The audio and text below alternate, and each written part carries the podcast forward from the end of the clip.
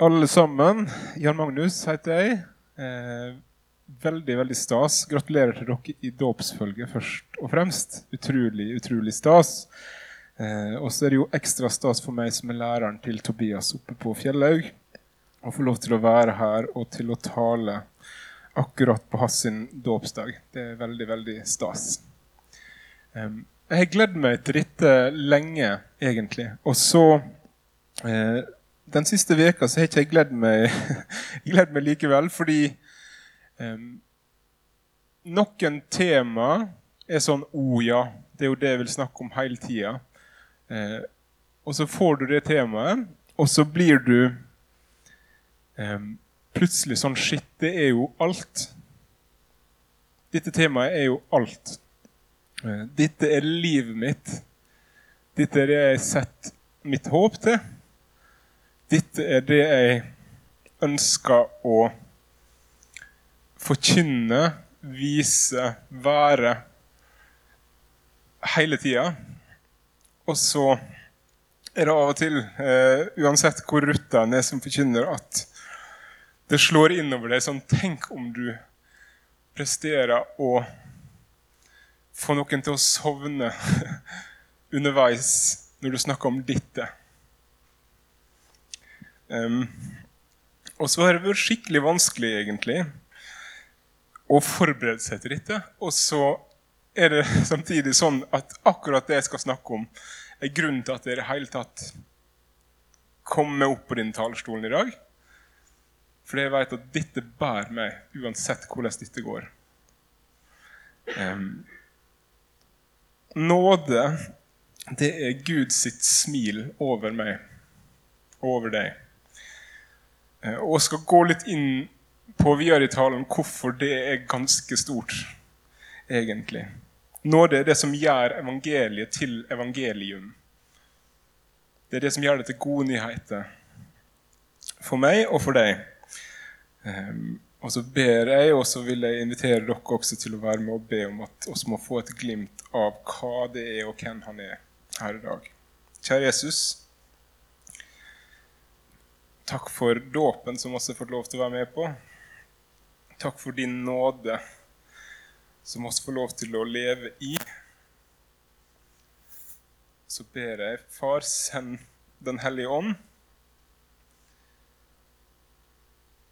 virke det jeg skal si. Vis oss hvem Jesus er. Vis oss hva nåde er. I ditt navn. Amen. Jesus, som Jon Kjetil snakka om sist, det er egentlig den som viser oss klarest hva nåde er for noe. Jesus er på mange måter nåde i kjøtt og blod. Um, så hvis min definisjon, eller det jeg sier om nåde her i kveld, som det garantert kommer til å være utilstrekkelig, så vil jeg anbefale deg til å begynne akkurat der vi nettopp har hørt ifra, Johannes kapittel 1. Altså Hvis det ikke var nok når du var ferdig med Johannes evangeliet, så vil jeg anbefale deg om å lese Matteus, Markus og Lukas. Og Hvis det ikke var nok, så vil jeg invitere deg til å lese brevet til Paulus. Og hvis det ikke var nok, så vil jeg invitere deg til å lese hele Det gamle testamentet, der Guds nåde tyter ut i generasjon etter generasjon, i slektsledd etter slektsledd. Men Jesus, han er den som kommer med nåden og sannheten. Av hans overflod har oss alle fått nåde over nåde, las Vegard for oss. Og han kom til verden. Han kom til det han hadde skapt. Han kom til sitt eget, og hans egne tok ikke imot ham. Hvorfor tok ikke oss imot ham?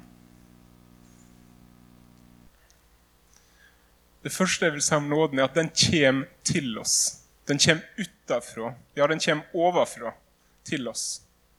Det faller oss ikke naturlig å vise nåde, eller å vite hva nåde er for noe. Jesus kom med nåden og sannheten. Og Gjennom hele Det gamle testamentet så kan en se hvordan Gud igjen og igjen kommer med nåde. Men det faller ikke mennesket naturlig. Den var, og den er, fremmed for oss. Noen ganger så får oss eh, høre noen historier som kan virke helt sånn crazy for oss. Eh, han bleikaste på dette bildet heter Sigmund. Kanskje kjenner noen av dere til ham fra før. Han har vært misjonær i mange år i Papa Ny-Guinea. Der var han utsending for Wycliffe, som driver med bibeloversettelse. Og Det er ganske mange språk i verden som fortsatt ikke har en bibel på sitt språk. Ganske mange folk som enda ikke kan lese om Jesus på sitt hjertespråk. Det ville Sigmund og kona hans gjøre noe med. Så de reiste til Papua Ny-Guinea. Det var utfordrende, fordi de hadde ikke et skriftspråk i det hele tatt. for det første. Men så skulle det vise seg etter hvert som de var der, at det var flere ting som sto mellom på en måte det å forstå hva dette går i, og dette folkeslaget. For en dag så ser Sigmund en person springe etter en annen person og slå ham gjentatte ganger. Og Han får etter hvert på en måte stoppa dette. og liksom, hva er, som, hva er, det som, skjer? Og Da har denne personen som ble slått og som sprang, tydeligvis utsatt noen andre for et eller annet, prøvd å stjele noe eller sagt noe stygt. eller et eller annet. Men du kan jo tilgi. Eller tilgi. Hva er ordet dere for det? Prøvde Sigmund å finne ut av. Og det han fant ut, var at ikke bare fantes det ikke noe ord for det, men selve konseptet tilgivelse var helt fremmed. Nåden var helt fremmed i denne kulturen. Og så kan oss tenke wow, primitive folk. Mm. Og så på vei tilbake igjen dit i vår kultur. Oss lever i et Norge, i et Vesten, som blir mer og mer nådeløst. Jo mer fokus rettes imot meg, imot mitt, imot mine rettigheter, samtidig som jeg er helt fritatt fra ansvar, se i denne tidsalderen av algoritmer Er det mye nåde? Er det nåde som på en måte definerer vår vestlige kultur lenger? Er det samhold? Er det det å ta hverandre i beste mening? Det å ønske andre vel? Jeg tror ikke det er like framtredende som det en gang var. Så denne kulturen der tilgivelse var fremmed Vet du, I den kulturen så er ikke tilgivelse fremmed lenger. Evangeliet har kommet dit. Mange, mange har tatt imot Jesus. Og det preger, som det alltid gjør, enkeltmennesket og deres evige skjebne, men også kulturer og hvordan folk er med hverandre. Det som faller oss naturlig, og det som jeg tror oss ser i kulturen rundt oss, det er dette. Let's make a name for ourselves. Sitatet er henta fra en engelsk oversettelse om Babels tårn i første Mosebok. De var samlet, Alle samla seg på én plass. Istedenfor å spre seg utover jorda og bli mange, som Gud hadde bedt dem om, så samla de seg, og så sier de nå skal oss på en måte gjøre oss store. Det er basically det samme som Adam og Eva gjør, bare at de gjør det ved å bygge et tårn, eller prøve å bygge et tårn, et tempel. Et landemerke, sånn at deres navn skal bli stort. Dette er det naturlige for oss. Meg i sentrum. Sjølhjelpsbøker selv som hakka møkk fortsatt. Sjølforsyning er viktig. Det å kunne greie seg sjøl. Sjølhevdelse. Og det å være tru mot seg sjøl er den høyeste verdien nesten i vårt samfunn. Oss klager veldig om at rettighetene våre krenkes, men oss vil ikke si at oss har noe ansvar. Sjølrettferdighet, det er det som feller oss naturlig. Og Det er også det som feller oss som tilhører Jesus, oss som tror naturlig. En av våre forbilder i Det gamle testamentet I forrige taleserie, eller for to taleserier siden så snakka Hans Arne Sanne om David. Mannen etter Guds hjerte. Han som etablerte kongeriket Israel som et kongerike der Guds lover var viktige, der rettferdighet på en måte ble opprettholdt sånn cirka. Men der han sjøl først voldtar en annen manns kone. Så får det skjult ved å få mannen drept når hun blir gravid. Og så går han videre, og så tenker han huh, Close call. Jeg får beholde statusen min. Jeg får beholde på en måte status quo. Ingen, ingen skade skjedd. Anger, det kjente han kanskje på. Det virker ikke veldig framtredende, helt til profeten Nathan kommer til ham og forteller en historie om noen andre som opplever en urettferdighet. Om en fattig bonde som får stjålet fra seg den ene sauen han hadde, det ene lammet han hadde, fordi en rik mann skulle lage fest for noen gjester.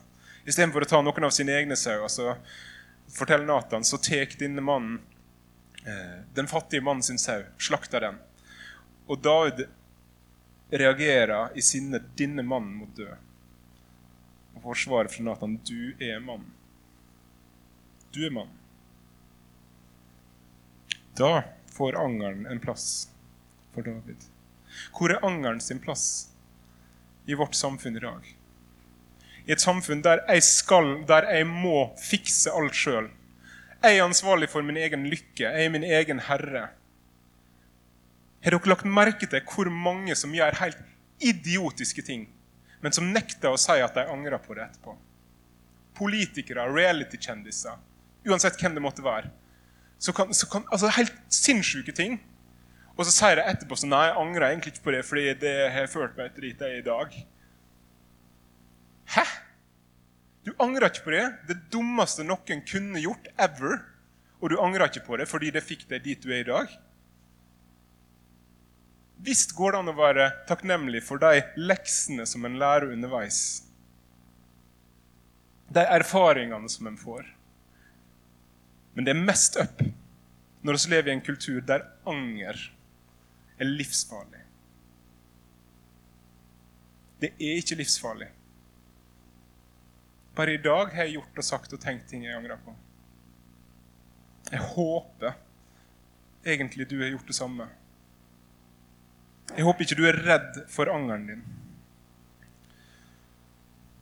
David var nok litt det.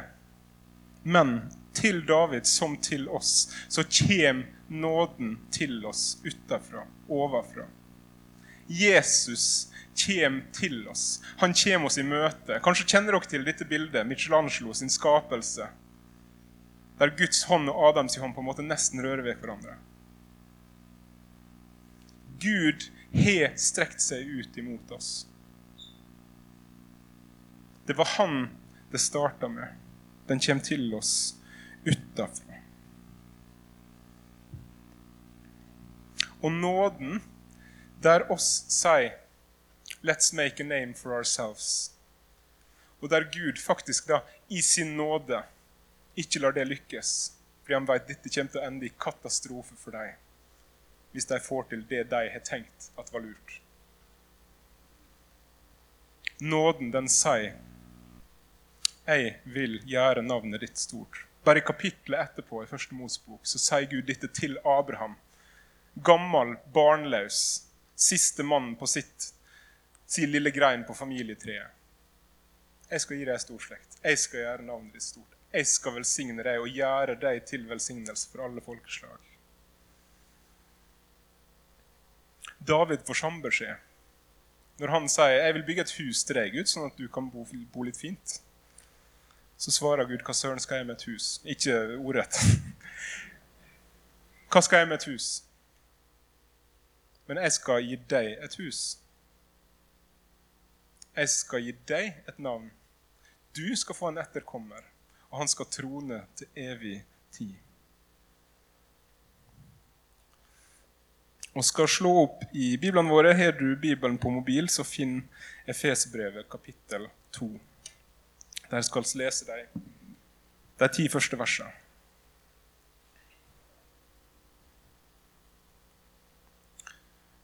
I Jesu navn.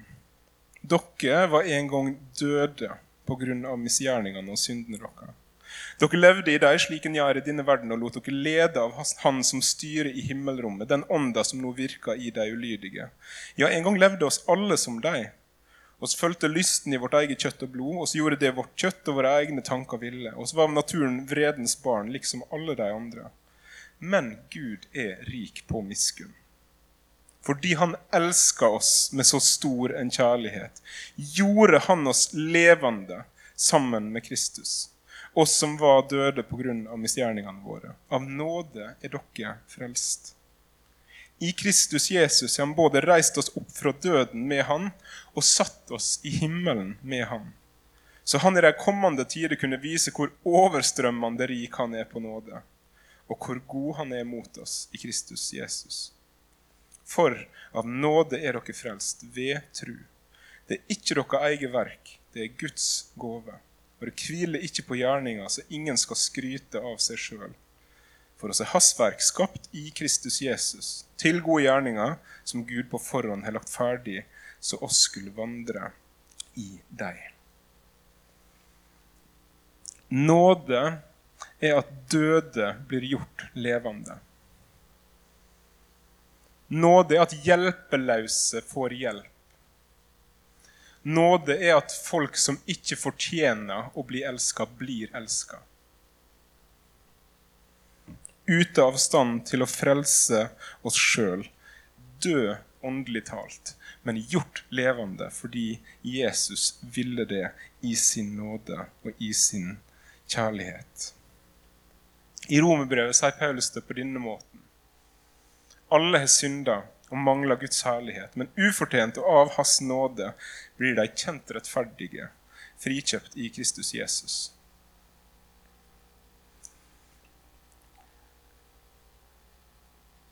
Skal derfra komme igjen for å dømme levende og døde, bekjente oss om Jesus i stad.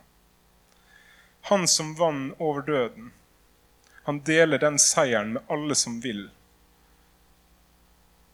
han skal en dag der framme tørke hver tåre fra øynene på sine. Ta dem hjem til seg. Men før det så skal han komme igjen for å dømme levende og døde. Men av Hans nåde så blir ikke jeg dømt på bakgrunn av mine gjerninger, men på bakgrunn av den gåve Han har gitt meg ved trua på seg, og på grunn av det Han har gjort. Når Jesus lærer oss hvordan oss skal leve På Fjellhaug får jeg lov til å undervise i Matteusevangeliet, der bergpreika står. Og mange andre plasser, når han vasker disiplene sine føtter. Når jeg har elska dere slik, så skylder dere å elske hverandre. Når jeg har skylder dere òg. Sånn snakker han flere ganger. Den nåden som han har vist oss den skal oss vise både hverandre og andre. Og nåde er overraskende. Nåde er overraskende, ikke på en sånn birthday celebration surprise-måte. På en sånn du har drete deg loddrett ut. Og i stedet for kjeft eller straff, så får du en premie. Hvis du har ja, skal ta bildet inn i arbeidslivet. da. Du har drevet korrupsjon på høyt, høyt plan, men på lavt, lavt nivå og blitt avslørt. Så er dette overraskende på en sånn måte at du blir forfremma.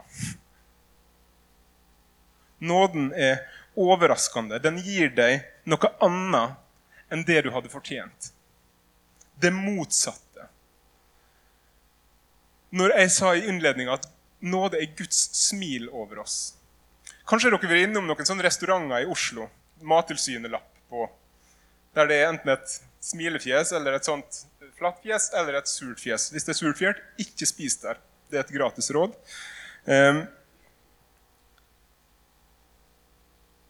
når Gud smiler over oss, så gjør han det på tross av det oss har gjort, og det oss fortjener. Og Så kan du sitte og tenke ja, men det er jo ikke så verst. Sammenligna med hva da? hva øyeblikk er det du da tenker på? For han ser ikke bare dine beste, og han sammenligner deg heller ikke med andre.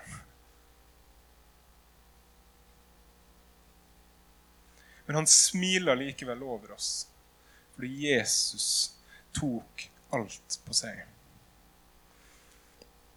En som møtte Guds overraskende nåde, det er han bleike på dette bildet. Johnny Lee Cleary heter han. Tidligere eh, wrestler og Imperial Wizard i Ku Klux Klan. Det var liksom det han holdt på med. da.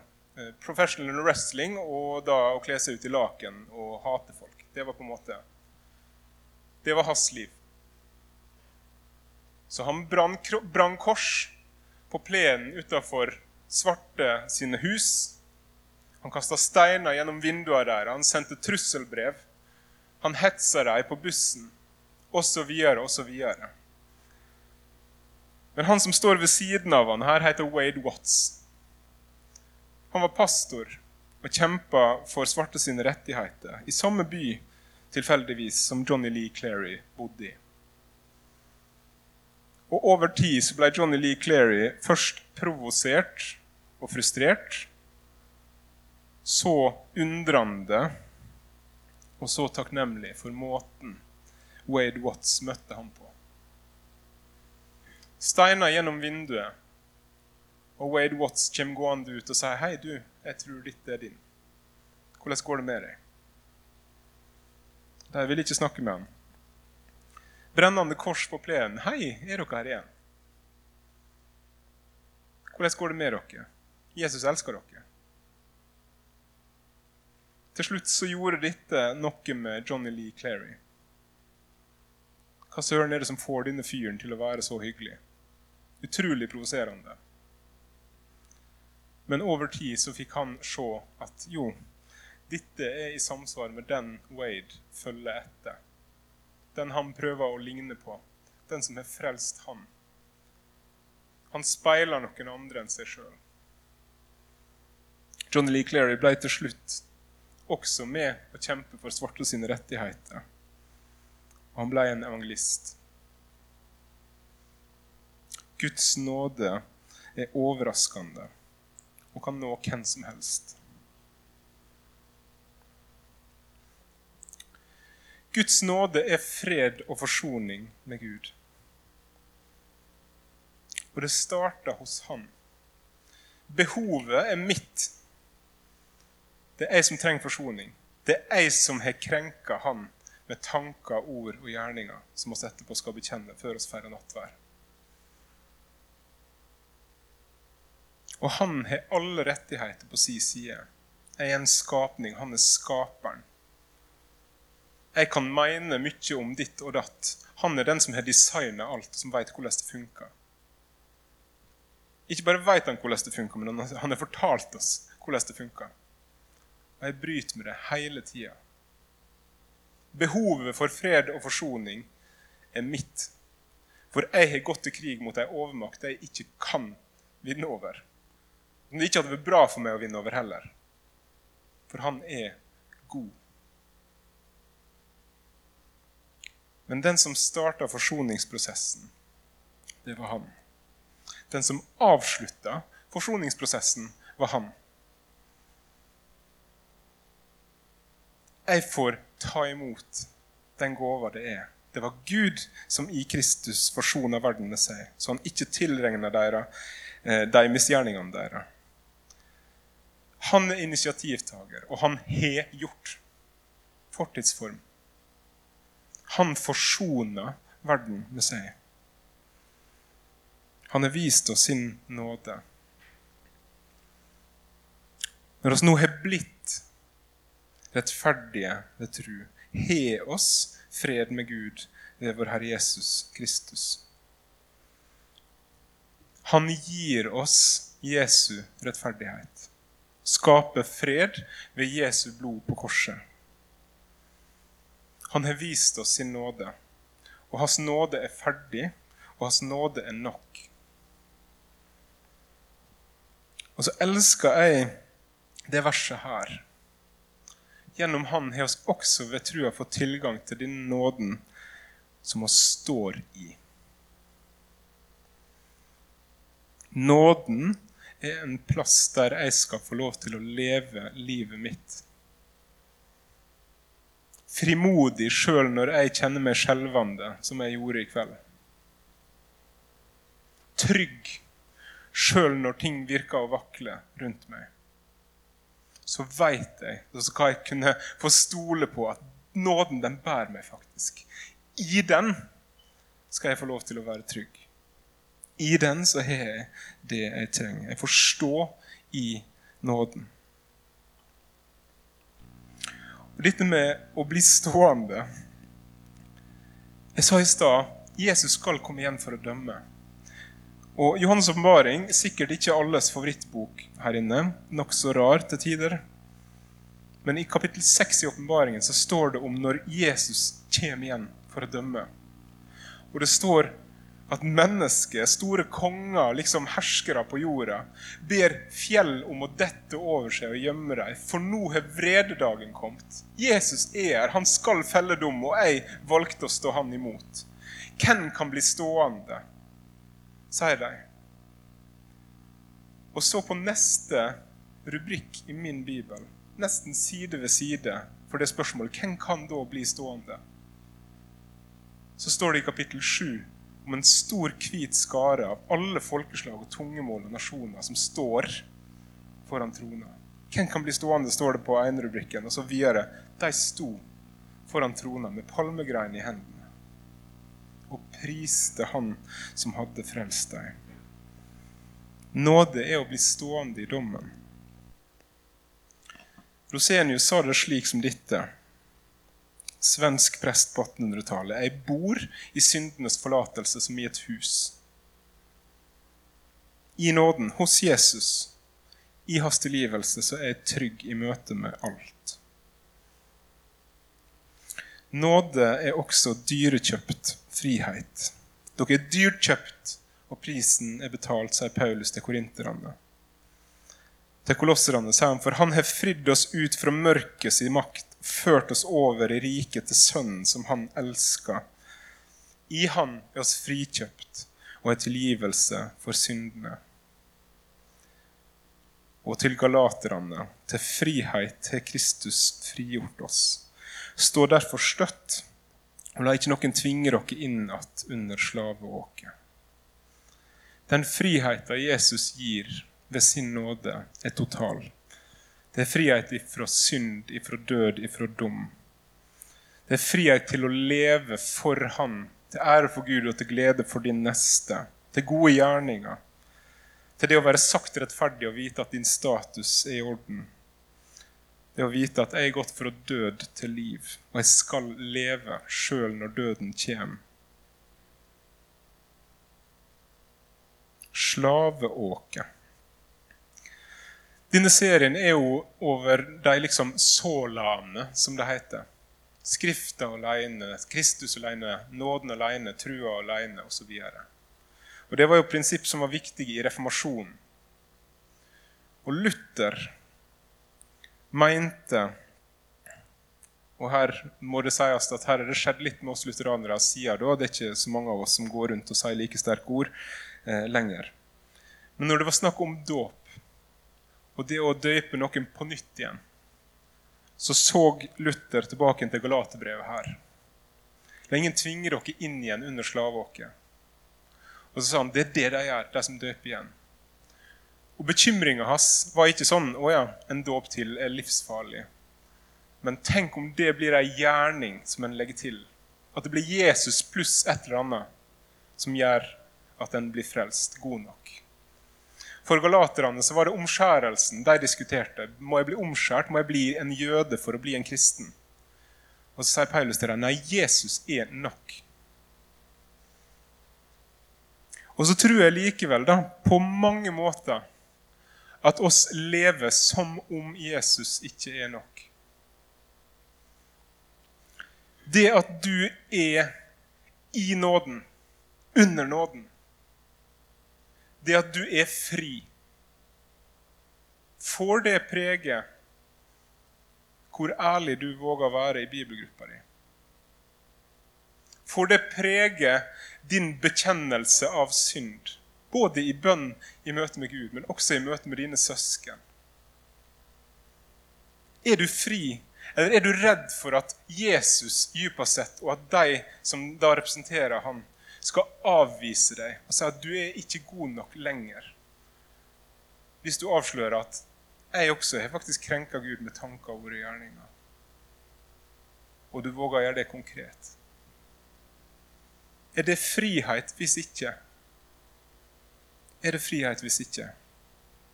Hvis det er livsfarlig å bekjenne din synd til de søsknene som du har nærmest deg, er du da fri? Takk Gud for den bibelgruppa jeg har, der jeg får komme sammen med mine brødre og dele også det som gikk i stykket. Og oppleve at de ber for meg, gir meg råd, bærer meg videre. Hvordan preger din frihet, dine relasjoner, kjæresteforholdet ditt, bibelgruppa di?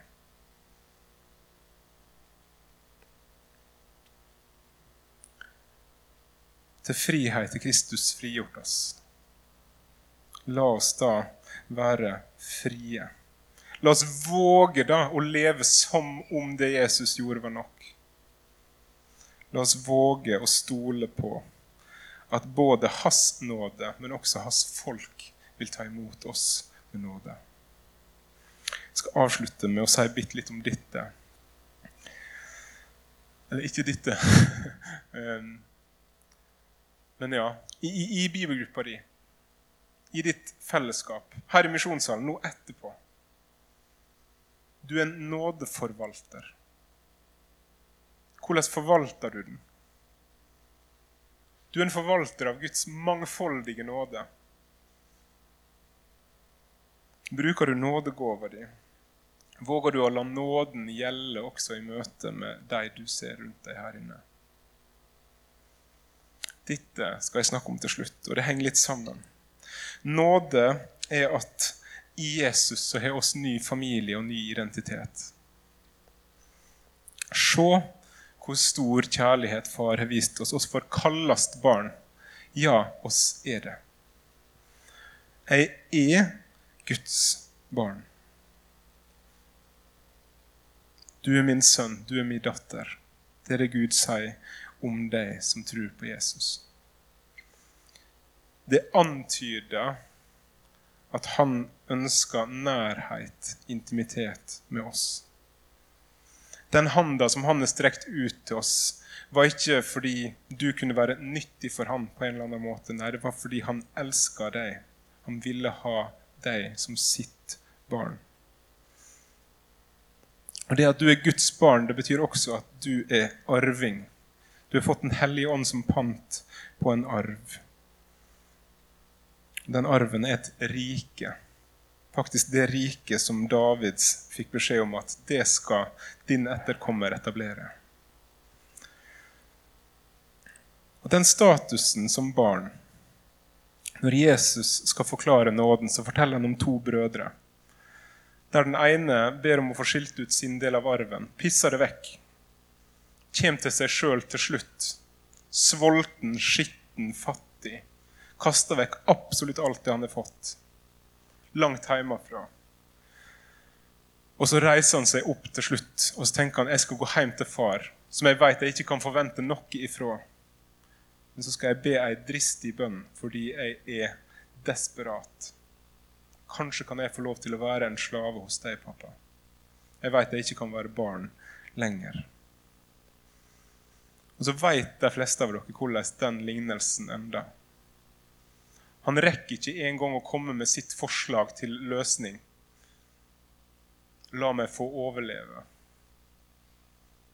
Du skal ikke overleve, gutten min. Du skal leve hos meg.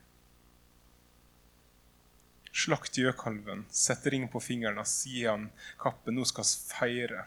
For han var død, men har blitt levende. Han var bortkommen, men har blitt funnet igjen.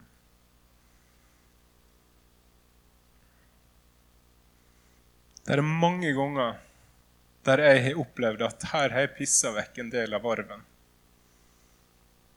Jeg har aldri enda opplevd at jeg ikke fikk lov til å komme tilbake igjen. Jon Kjetil las dette forrige gang. Som Gud sier over Jesus i hans dåp. Dette er min sønn, han som jeg elsker. I han har jeg mi glede. For Jesus skyld fordi han har gjort det han har gjort. Fordi han er den han er. Fordi det er fullbrakt. Så vil Gud også kunne si det om deg. Dette er min sønn, dette er min datter, som jeg elsker. I han, i ho, har min glede. For Jesu skyld er dette sannheten om meg. Jeg skal avslutte der jeg begynte, med dette bildet. For dette bildet er et bilde av meg, egentlig, og av deg. Dette er oss. I Lukasevangeliet kan vi lese at Jesus blir hengt mellom to røvere.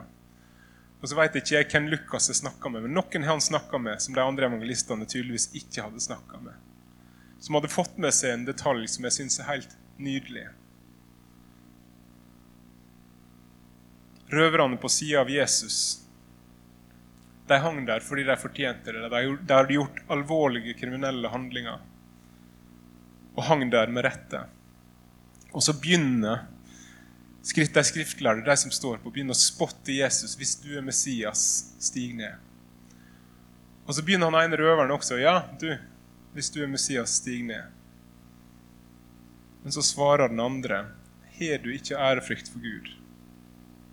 Oss henger med rette. Oss får bare igjen for det oss har gjort. Men han har ikke gjort noe galt. Og som den bortkomne sønn så ber dine røverne ei dristig bønn, men ei lita bønn tilsynelatende. I hvert fall for meg som så ofte tenker at jeg er ikke så verst, egentlig. Jeg fortjener egentlig altså nåde. Hva skal jeg med det? Jeg fortjener egentlig ganske bra ting. Jeg er jo bedre enn så mange andre. Kanskje er du også en sånn. Som derfor tenker at den bønna som røveren ber, er lite ei. Men i den situasjonen han var i Han visste at her henger jeg helt fortjent. Og i møte med den han antok at Jesus var, så er det likevel ei dristig bønn. Jesus, tenk på meg når du kommer i ditt rike. Tenk på meg. En tanke, Jesus. Det ber jeg deg om.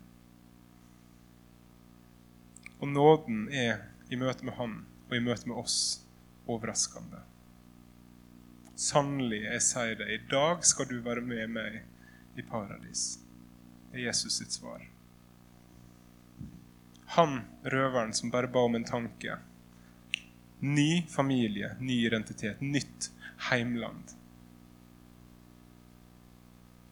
I dag skal du være med meg i paradis. Og Det er der jeg vil avslutte. Nåden inviterer. Guds nåde er en invitasjon til deg. For første gang, eller for tusende gang, så er det en invitasjon til deg. Kom, for alt er ferdig, kommer Jon Kjetil til å si over nattverdbordet etterpå der vi får ta imot Jesu kropp og Jesu blod, som han ga til soning for våre synder. Der vi får ta imot Hans nåde med munnen. Kom, jeg ser du bærer tungt. Jeg vil tilgi deg. Jeg vil bære deg. Jeg vil mette deg. Jeg vil stille din tørst. Jeg vil gi deg hvile. Jesus inviterer deg. Kom og det er nåde. Kjære Jesus. Du ser de siste minuttene her. Der må du ved din ånd bruke det til noe. Jesus, takk at de trone er en nådetrone. Og takk at du er en øverste prest som kan lide med oss i vår svakhet. Prøvde alt på samme måte som oss, men uten synd. Må du gi oss hjelp. Må du gi oss trøst. Må du vise oss din nåde, Jesus. Hellige Ånd, er her noen som ikke har fått se Jesus, så ber jeg må du åpenbare Jesus for deg. I ditt navn.